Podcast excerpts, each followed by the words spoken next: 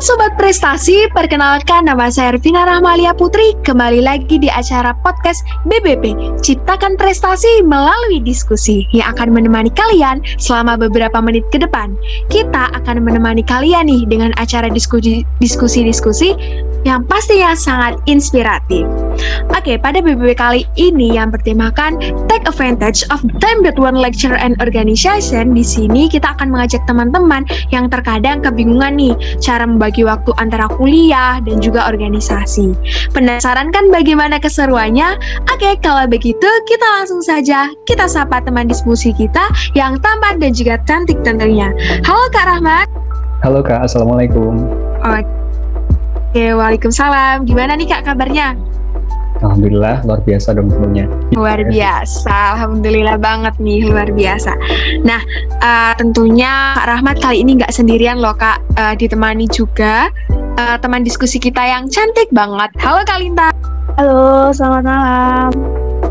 Oke, selamat malam Kak Linta. Gimana nih Kak kabarnya?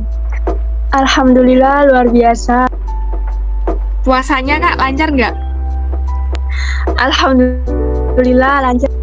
Oke, alhamdulillah nih udah detik-detik kita mau selesai Ramadannya selesai puasanya tentunya kita semuanya juga harus semangat nih buat Kak Rahmat juga nih. Oke, dan sekilas informasi nih untuk sobat prestasi kalau teman diskusi kita kali ini adalah SC dan juga CO dari divisi penalaran sendiri yaitu Kak Rahmat dan juga Kak Lintang yang sudah siap untuk kita ajak diskusi. Udah siap? Siap, siap dan semangat nih. Siap dong tentunya ya. Oke, keren banget nih Kak Lintang. Kak Rahmat siap? Siap banget Kak. Oke, sip banget nih. Nah, Kak nih, kita lumayan nih, kita langsung aja nih ke materi kita nih, bagaimana tentang take advantage of the time between lecture and organisasi nih, ngomongin masalah tentang akademik dan juga organisasi. Nah, Kak, bicara perihal memanfaatkan waktu nih antara organisasi dan juga kuliah. Dari pengalaman pribadi aku nih, sering banget mengalami kendala dalam bagi waktu antara kuliah dan juga organisasi. Ini kayak emang relate banget nih emang cocok banget kalau aku yang jadi moderator kayak waduh rek masalah kuliah sama organisasi nih. Apalagi mahasiswa nih yang mengikuti organisasi lebih dari satu, kayak aku juga. Kalau sudah begitu, terkadang tugas kuliah kita itu ketinggalan dan kita itu lebih fokus ke organisasi daripada kuliah, ataupun kita lebih fokus kuliah daripada organisasi. Yang terlebih lagi tanggungan-tanggungan di kuliah, tanggungan-tanggungan di organisasi itu banyak banget gitu loh. Nah itu terkadang menjadi be beban pikiran tersendiri gitu. Apakah dari kakak-kakak pernah mengalami juga nih hal yang sama kayak aku sama sobat prestasi mungkin ada di rumah. Nah mungkin dari Kak Rahmat gimana nih Kak? Oke, wah kalau soal itu sih kalau dari aku pernah ya kayak bahkan sepertinya itu sering banget gitu ngalamin. Kenapa? Karena tidak bisa kita pungkiri nih bahwa organisasi dan juga kuliah itu cukup menyita waktu kan ya, jika menyita waktu dan juga pikiran tentunya. Nah hal ini menjadi fokus penting nih bagaimana kita bisa men, uh, menyetarakan keduanya seperti itu memang ada yang beranggapan bahwa kuliah itu lebih penting ataupun organisasi itu juga uh, lebih penting. Nah, ini tergantung dari tujuan kita masing-masing. Bagaimana cara pandang kita terhadap impact dari kedua hal tersebut maupun bagaimana cara kita nih untuk uh, mengoptimalkan kedua hal tersebut. Gitu. Itu sih Kak yang uh, menjadi kunci dasar kita untuk dapat uh, membangun kebiasaan yang dapat uh, menyeimbangkan antara pilihan-pilihan tersebut seperti itu. Nah kalau dari pengalaman aku sendiri nih, hmm, gimana ya? Udah aku bilang tadi cukup sering ya, kak. Tapi uh, yaitu mungkin uh, ketika aku dapat tugas dan juga aku dapat tugas juga dari organisasi dari kuliah itu uh, beberapa kali sering sih kayak keteteran. Nah itu juga tergantung dari kita masing-masing bagaimana kita uh, untuk apa ya setelah untuk manajemen itu semua itu bagaimana itu tergantung dari kita gitu. Nah uh, kalau teman-teman ataupun sobat prestasi yang masih uh, kebingungan gimana cara uh, mengatur hal tersebut kita kan sama-sama uh, masih belajar nih ya wajar kok uh, kayak adanya hal tersebut kayak menjadi keresahan dari diri kita tuh wajar karena kita masih belajar gitu. Nah mungkin lambat laun nanti ketika kita udah uh, sering mengalami hal tersebut atau kita udah tahu nih kayak istilahnya uh, sisi-sisi di mana kita bisa uh, mengatur hal tersebut dengan baik, pastinya itu menjadi sesuatu kemampuan tersendiri bagi kita untuk dapat uh, menghadapi berbagai permasalahan ke depannya yang uh, relate gitu dengan apa yang kita jalani sekarang. Kayak gitu sih kak. Nah, benar banget nih setuju banget apa yang dikatain Kak Rahmat gitu. Kayaknya permasalahan yang masalah kayak bagaimana tentang kuliah sama organisasi itu juga tergantung bagaimana kayak cara pandangnya kita gitu, cara pola pikirnya kita gitu. Dan menurutku kayak ya benar sih kalau misal kita kuliah, kuliah aja gitu. Oke sih kita prestasi akademiknya kita itu dapat. Tapi kalau misal pengembangan-pengembangan soft skills kita, hard skill kita itu belum tentu kita dapetin itu di uh, di bangku perkuliahan gitu, di bangku akademik. Ya, bener banget sih. Uh, kalau dari aku sih kayak gitu sih. Ya benar. Kayaknya relate banget nih semua mahasiswa kayaknya yang bukan mahasiswa, yeah. mahasiswa yang kupu-kupu nih, kita mahasiswa kura-kura nih kayaknya relate banget nih. Nah, kalau dari Kak Lintang sendiri gimana nih Kak? Selaku CEO juga nih, gimana nih uh, penjelasan dan juga pengalaman yang pernah dialami? Uh, kalau menurut aku sih, uh, semua orang itu pernah ya merasakan kayak itu ya aku sendiri juga pernah dan memang kondisi seperti itu nggak bisa kita hindari. Uh, dalam uh, dalam segala konteks nggak hanya antara kuliah dengan organisasi saja kadang aja nih uh, kuliah kalau ada tugas banyak nih kita tuh bimbang mana dulu ya yang harus kita kerjain dulu? Misal nih mata kuliah A nih aku bisa tapi deadline-nya masih lama. Sedangkan uh, mata kuliah yang lain itu deadline-nya udah nanti malam tapi aku nggak bisa. Itu kan juga bimbang mana harus dikerjakan dulu kan ya nah uh, kalau bicara pengalaman aku mau share sedikit nih tentang pengalamanku yang uh, berada di kondisi seperti itu. Dan jujur aja aku benar-benar menyesal sekali kalau waktu bisa diulang nih aku gak akan milih uh, keputusanku yang konyol. Konyol banget sih menurutku jadi uh, waktu aku SMA dulu tuh sosokan banget sih saat itu. Aku aku nyalonin uh, jadi pengurus kelas dan aku lolos aku ikut ekstra pramuka ikut osis juga dan kayak ah aku bisa kok bisa ngejalanin semua itu. Dan dan alhasil ya waktu itu sekolah aku itu eh, full ya. Senin sampai Sabtu pulang itu jam 4 jam 5 sore aku lupa pokoknya aku pulang ke rumah itu nyampe nya udah malam. Dan di hari Minggu, hari libur yang lain pada uh, holiday, pada rebahan, aku dan teman-teman yang ikut organisasi juga di sekolahan. Dan apa ya sampai di posisi uh, di osis aku jadi bendara dua, terus aku juga aktif di pramuka, aku juga aktif di di pengurus kelas di sekolahan ya itu posisi yang aku impikan banget gitu. Yang aku incer dari waktu aku kelas 1 SMA sampai suatu ketika aku jatuh sakit. Dan mau nggak mau itu keteteran banget dari dari sekolah juga keteteran pelajaran itu ketinggalan banyak. Ya aku mau nggak mau aku harus ngerelain semuanya. Aku keluar. Dan gimana ya di saat kita di atas atasnya terus kita kayak langsung turun kan langsung kayak apa ya adaptasi diri banget kan. Nah itu seharusnya itu aku kesalahanku tuh bukan aku harus ngelepasin semuanya tapi seharusnya itu aku harus lebih belajar membagi waktuku bukan malah ngelepasin. Kayak gitu sih konyol banget kan ya. Wah kayaknya Kalintang nih uh, itu ya organisasi banget ya dulu ya Nah iya nih kayaknya Kak Lintang emang anak organisatoris banget nih dari kayak misal sampai SMP sampai ngerangkep ngerangkep gitu. Ya gimana nih Kak Lintang? Uh, kayak gitu emang ya kalau memang kita nih ya kalau emang udah terjun di organisasi. Kayaknya misal kayak kita udah bener-bener oh aku milih nih join di organisasi gitu loh. Pasti bakalan banyak banget yang dikorbanin gitu mulai dari waktu untuk keluarga untuk kita main sendiri. Kadang kan effort kita buat bahagia gitu. Apa kayak kita punya waktu buat diri sendiri kadang itu aja minim banget gitu loh. Tapi sebenarnya nih kak kalau menurut aku ya kadang kebahagiaan itu tempatnya itu juga di organisasi gitu loh. Kalau kita ngomongin masalah fair-fairan nih, apa sih kayak manfaatnya ikut organisasi gitu loh. Jujur kayak pengalamanku juga sebenarnya kurang lebih nih sama kayak Kak Lintang juga gitu loh. Uh, sebenarnya aku dari bahkan dari kelas 6 SD mau ke SMP itu juga aku udah join organisasi gitu. Di SMK itu juga aku sampai pernah nggak sekolah selama satu bulan itu juga karena organisasi juga gitu karena joinan sama event-event gitu loh. Kalau misal kita ngomongin nggak hanya waktu buat organisasi saja gitu loh sebenarnya antara pembagi antara kayak waktunya kuliah dan organisasi kayak gitu. Itu sih kalau dari aku gitu.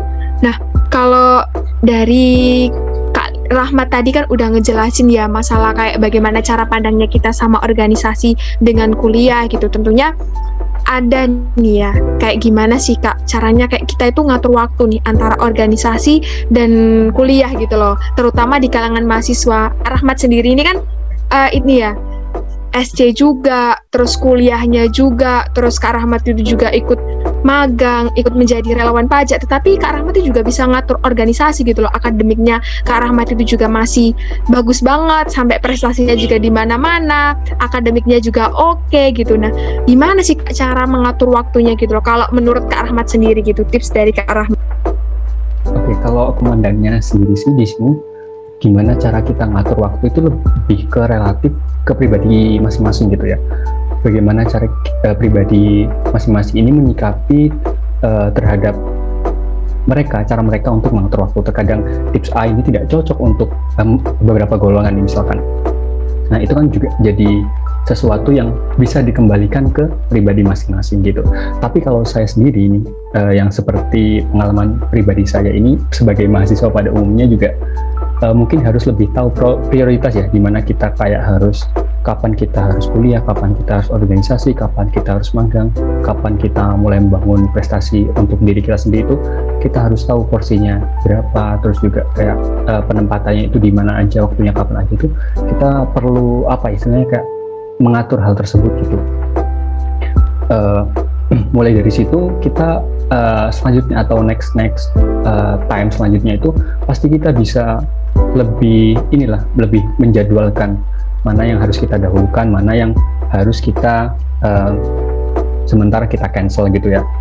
Mungkin kayak gitu kak. Di mana kan kalau uh, kita istilahnya tuh bisa baginya tuh kayak mana sih waktu yang mendesak mana sih waktu yang gak mendesak. Nah tahu kan kayak tips-tips itu pastinya udah umum banget nih di kalangan mahasiswa. Nah itu mungkin bisa juga dipakai uh, sama teman-teman buat gimana sih cara mengatur waktu yang baik gitu. Nah biasanya kalau aku lihat-lihat di tips di beberapa sumber nih ada yang menyebutkan bahwa kayak teman-teman tahu kan kayak matrix. Nah matrix itu kan biasanya uh, ada beberapa kategori nih. Nah di kategori di kategori itu tuh bisa kita kategorikan beberapa kegiatan kita misalkan mulai dari kegiatan yang penting mendesak, penting tidak mendesak, uh, dan lain sebagainya. Nah itu mungkin bisa nih membantu kita buat gimana sih cara kita buat uh, ngatur waktu gitu.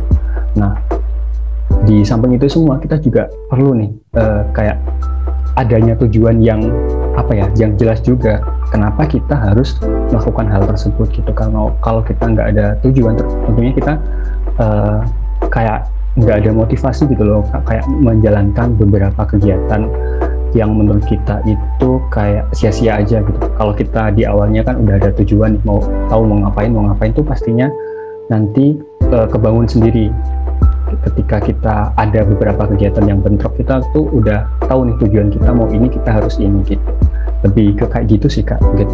Oke setuju banget nih kayaknya uh, aku juga nih buat aku buat sobat prestasi ada di rumah kayaknya tips-tips yang udah disampaikan Kak Rahmat tadi kayak kita harus ada prioritas gitu dan lain-lain. Kita juga harus mengetahui tujuannya kita itu apa. Itu kayaknya bakalan ke depannya itu kalau misal kita aplikasiin dalam uh, pembagian waktunya kita dalam kehidupan kita antara kuliah dan organisasi kayaknya bakal berpengaruh banget nih. Di Kak Rahmat saja alhamdulillahnya itu uh, bisa sukses gitu. Nah, mungkin dari kita bisa nih kita sobat prestasi ada di rumah kita ambil nih tips-tips yang ada di Kak Rahmat. Siapa tahu caranya Kak Rahmat itu juga bisa cocok di kita juga gitu. Nah, kalau dari Kak Lintang gimana nih Kak caranya? Uh, kalau aku nih ya benar kata Kak Rahmat tadi, uh, semua orang itu nggak bisa disamaratakan, punya uh, ciri khas masing-masing, punya cara sendiri gitu ya. Kalau cara dari aku itu jangan dipikirin, udah jalanin aja, atur jadwal, bikin list aja. Uh, ini bukan soal prioritas ya, karena uh, kuliah dan organisasi organisasi itu sama-sama uh, tanggung jawab kita dan kita itu harus uh, ngelakuin semuanya. Dan kewajiban kita saat ini saat ini itu kan belajar ya belajar nah belajar akademik di perkuliahan belajar non akademik juga di organisasi. Jadi dijalanin aja dahulukan dahulukan mana yang uh, deadline-nya yang mepet dan satu lagi jangan ditunda. Jangan suka nunda-nunda nih. Ini biasanya nih kadang aku juga masih nunda-nunda di males aja gitu kerjain tugas kuliah nih misalnya. Kayak ah aku nggak bisa nih aku males nggak bisa gitu dan itu salah seharusnya ya udah kerjain aja dulu sebisanya. Nanti juga bakalan selesai dijalanin aja gitu. Itu dari aku sih kak. Wah kayaknya kak Linta ini omongannya banyak benernya juga ya. Kayak misal mahasiswa nih sebenarnya itu kita tuh punya waktu yang sama gitu loh. 24 jam itu semua mahasiswa itu semua orang bahkan itu punya waktu yang sama. Tapi tinggal bagaimana kita ngilangin rasa malasnya kita. Kita bangun jauh lebih awal gitu loh. Kita nggak ada malas-malas dan kata-kata eh bentar deh eh bentar deh tunggu lagi tunggu lagi. Itu kayaknya yang emang yang menjadi bom tersendiri nih buat mahasiswa-mahasiswa terutama buat mahasiswa yang join di organisasi maupun di kuliah. Bener gitu? Iya, pokoknya jangan dan nanti aja deh, udah besok aja deh. Itu bener-bener harus kita hindari kan. Bakalan selesai kalau gitu. Iya sih. Ya. Oke, okay, bener-bener. Kayak aku juga uh, beberapa kali sering okay. kok. Tapi uh, buat menyangkap itu ya kita sampai gimana gimana sih mau apa ya istilahnya kayak tujuan kita tuh apa sih jadi kayak ke trigger lagi gitu kadang kayak males tuh wajar sih sebenarnya kayak mahasiswa males tuh kayak apa ya Rek? udah nggak bisa dibisain lagi gitu guys jadi ya itu tadi kayak kita harus tahu punya apa ya istilahnya pegangan motivasi buat kita bangkit itu harus ada gitu. Jadi eh, kemungkinan itu semua bakalan istilahnya bisa teratasi gitu loh. Oke okay, bener. Bener. Nah setuju juga nih sama uh, pendapatnya dari Kak Rahmat kayak emangnya rasa malas itu emang nggak bisa ya? Kayak dihilangin dari setiap manusia. Kayaknya itu udah manusiawi aja gitu manusia punya rasa malas gitu. Tapi bener kata Kak Rahmat juga nih kayak kita itu harus tahu harus ingat tujuannya kita itu apa. Kayak kita punya reminder tersendiri gitu loh. Kalau misal kalau kamu nunda sekarang kayak teman-temanmu itu loh udah satu langkah di depan daripada kamu. Jadi kalau kamu mau sukses kalau kamu mau waktumu itu nggak kececeran ya ayo bangun ingat lagi tujuanmu. Nah mungkin itu sih kak. Tadi kan kayak misal cara nih uh, kak Rahmat sama kak Lintang buat untuk mengatur waktu. Nah kira-kira nih kak uh, apa sih Kak yang bisa dilakukan untuk mengoptimalkan waktu di sela-sela kuliah dan organisasi? Karena dari tadi udah dari Kak Rahmat, kali ini Kak Lintang terlebih dahulu deh. Oke, okay. Makasih Kak Evina. Jadi hal yang harus dipersiapkan untuk membagi waktu versi aku nih, uh, yang pertama itu kesehatan. Kita tuh harus benar-benar memperhatikan kondisi kesehatan kita. Itu penting banget kalau kita sakit ya ya udah kita nggak bisa ngerjain apa apa selain istirahat istirahat minum obat makan udah gitu aja. Jadi kita harus benar-benar memperhatikan kondisi kesehatan kita. Kita harus fit dan kita harus uh, apa nggak apa nggak boleh teledor dengan jam istirahat kita jam makan kita itu benar-benar harus kita perhatikan. Terus yang kedua itu kita bikin list aja kak. Bikin catatan apa sih yang harus kita kerjakan hari ini? Dan kita tuh harus komitmen ya. Kita harus komitmen harus kerjain itu. Dan secara nggak langsung nih kita juga melatih kedisiplinan kita uh, timing kita juga. Terus uh, yang ketiga itu beri hukuman dan hadiah untuk diri kita sendiri. Kalau aku sih ya kalau aku misal nih aku bisa ngerjain semua uh, pekerjaan yang memang harus aku kerjakan pada hari itu juga. Itu aku biasanya kasih uh, reward nih sama diriku sendiri. Entah itu kadang oke okay, Lintang kamu harus ngerjain ini ya. Nanti kalau udah selesai semua hari itu juga kamu boleh nonton TV nonton uh, film sepuasnya ataupun main HP selama berjam-jam. Tapi kalau misalkan aku nggak bisa nih karena emang entah susah ya kayak tugas tadi ya ah susah nggak bisa. Ah ini belum selesai gitu. Dan akan jadi PR juga di besoknya. Itu biasanya aku kayak oke okay, Lintang kamu nggak boleh main HP lama-lama. Soalnya kamu belum nyelesain tugas hari ini gitu. Oke okay, kamu nggak boleh main sosmed lama-lama atau kamu nggak boleh buka IG sama sekali hari itu juga. Itu uh, apa yang dipersiapkan versi aku sih kak.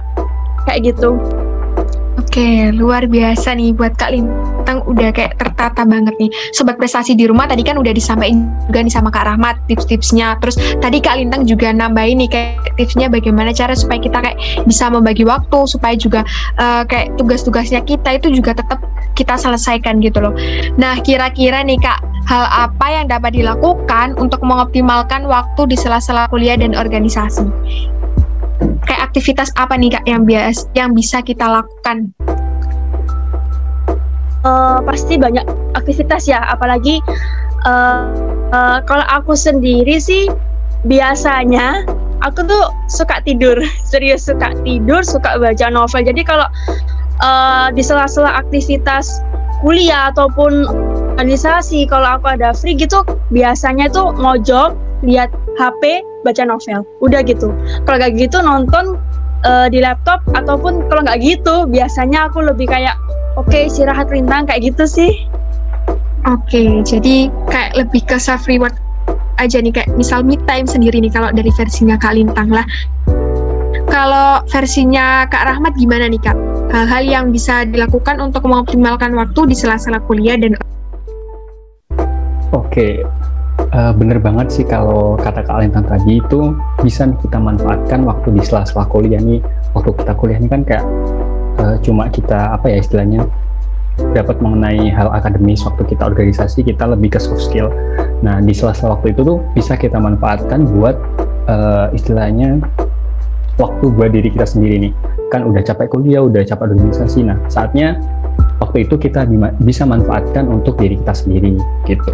Salah satunya itu bisa dengan melakukan hal-hal yang kita sukai seperti mungkin uh, melakukan hobi yang kita sukai, nonton film dan lain sebagainya itu sesuatu yang bisa me, apa ya istilahnya mengisi ulang bahan bakar kita, membakar semangat kita kembali yang sebelumnya udah dipakai buat kuliah nih terus semangat kita dipakai buat organisasi tiba-tiba kita uh, butuh kayak mengcas ulang gitu ya mengcas ulang semangat gitu dari melakukan hal-hal yang kita sukai gitu.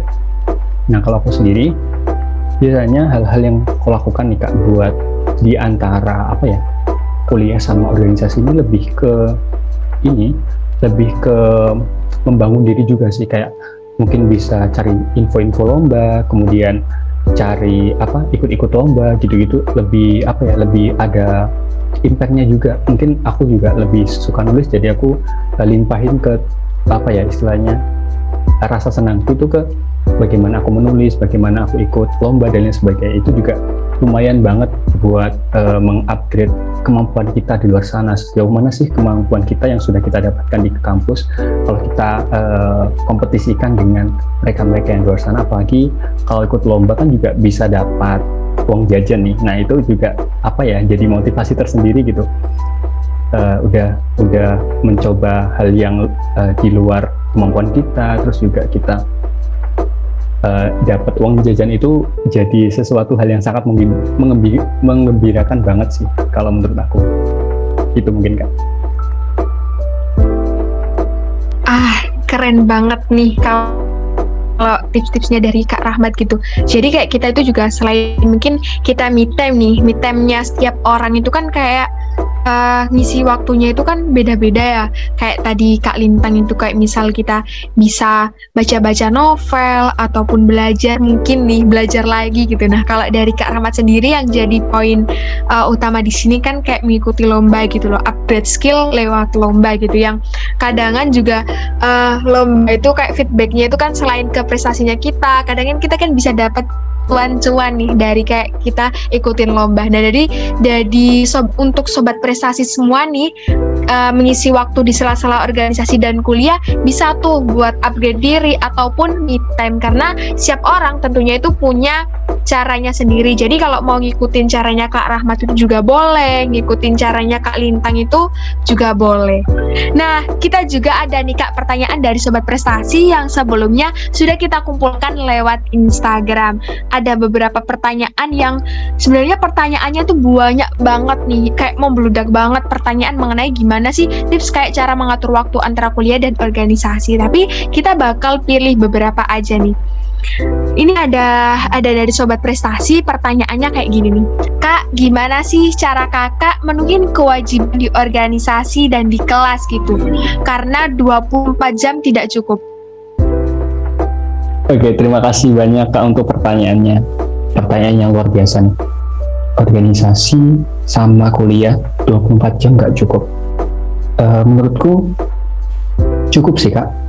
Kalau kita tahu apa yang harus kita lakukan, kalau kita tahu apa tujuan kita di kedua hal tersebut itu menurutku 24 jam cukup karena uh, kita nggak bisa maksain diri juga kayak uh, dalam waktu 24 jam itu kita juga perlu ada istirahat gitu kan nah uh, sebisanya kita bagaimana kita buat apa ya istilahnya memenuhi hal tersebut dengan cara menjadwalkan eh, kegiatan-kegiatan uh, kita yang akan kita lakukan itu bisa menjadi apa ya istilahnya kalau apa aku bilang tuh lebih ke manajemen diri. Nah, manajemen diri itu perlu banget sih dalam apalagi kita kan udah mahasiswa ya bukan lagi siswa. Jadi kita tuh uh, pastinya lebih dituntut lagi untuk gimana cara kita memaksimalkan waktu memanajemen waktu kapan waktunya organisasi kapan waktunya kuliah. Itu jadi apa identitas tersendiri dari mahasiswa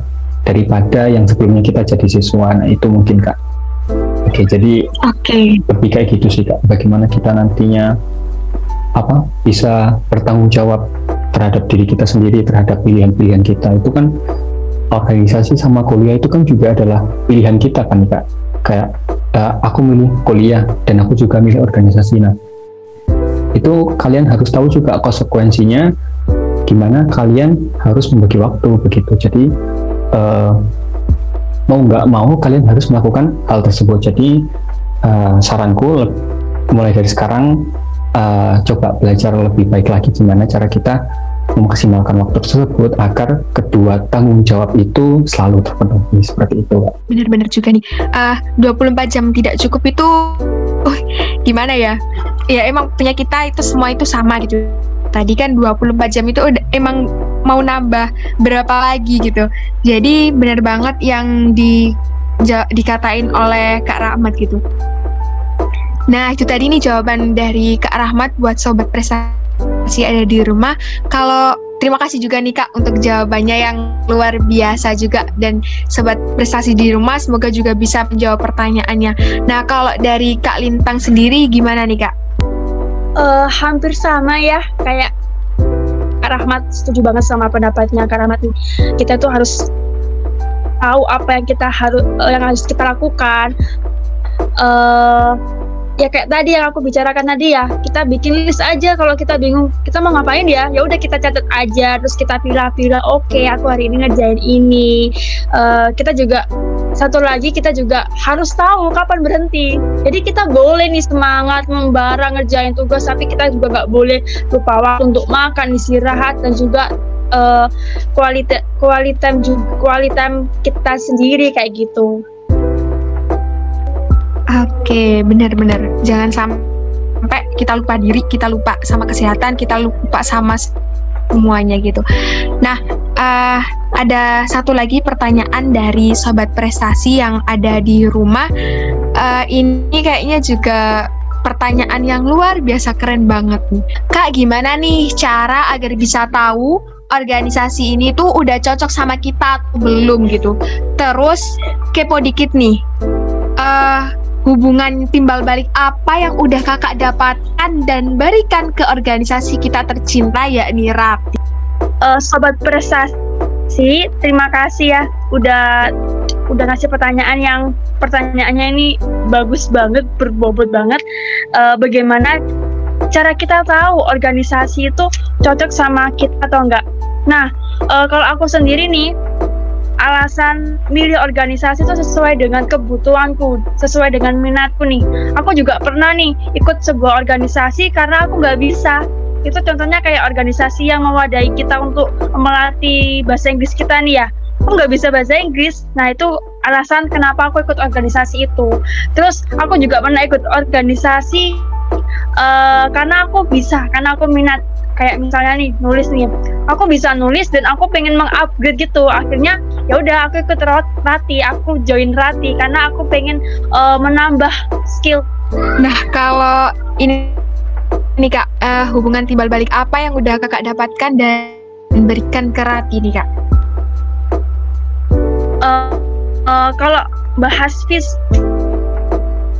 feedback ya itu banyak banget dan nggak bisa aku sebutin satu-satu uh, itu banyak banget. Salah satunya nih public speaking. Aku dulu tuh nggak bisa ngomong bahkan ngomong itu takut uh, belibet.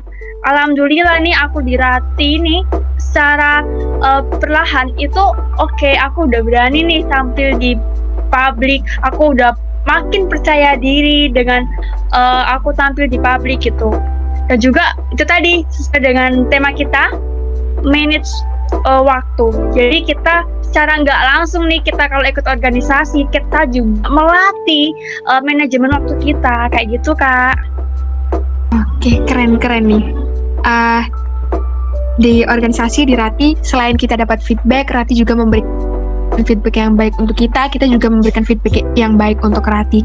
Kalau jawaban dari Kak Rahmat sendiri gimana nih Kak? Oke. Okay. Uh, eh, terima kasih ya sebelumnya untuk pertanyaannya benar banget kata Kak Lintang tadi kayak uh, pertama kita gimana sih cara kita memilih organisasi supaya organisasi itu sesuai dengan diri kita sesuai dengan apa yang kita inginkan atau apa kita atau yang apa kita minati gitu mungkin yang ingin aku tekanin lagi itu lebih ke goals goals diri kita kita awalnya itu masuk kuliah nah goals waktu kita masuk kuliah itu apa gitu. Nah sejalan dengan itu aku dulu tuh ambil organisasi itu kayak ngelihatnya dari ini kayak tujuan sejalan dengan tujuan kita masuk kuliah. Misalkan aku masuk kuliah uh, mungkin uh, ingin dapat ilmu ya ingin dapat ilmu terus gimana cara aku uh, mempraktekkan ilmunya.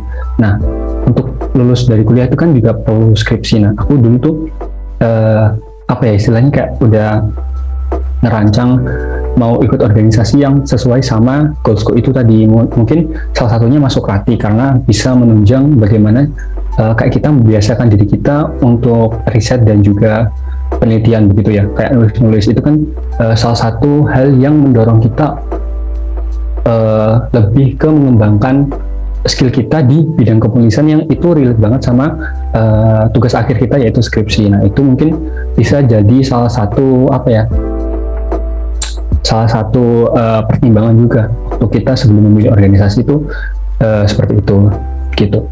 Nah untuk feedback yang Rati beri, berikan ke aku pribadi itu banyak banget, suka banyak banget ya.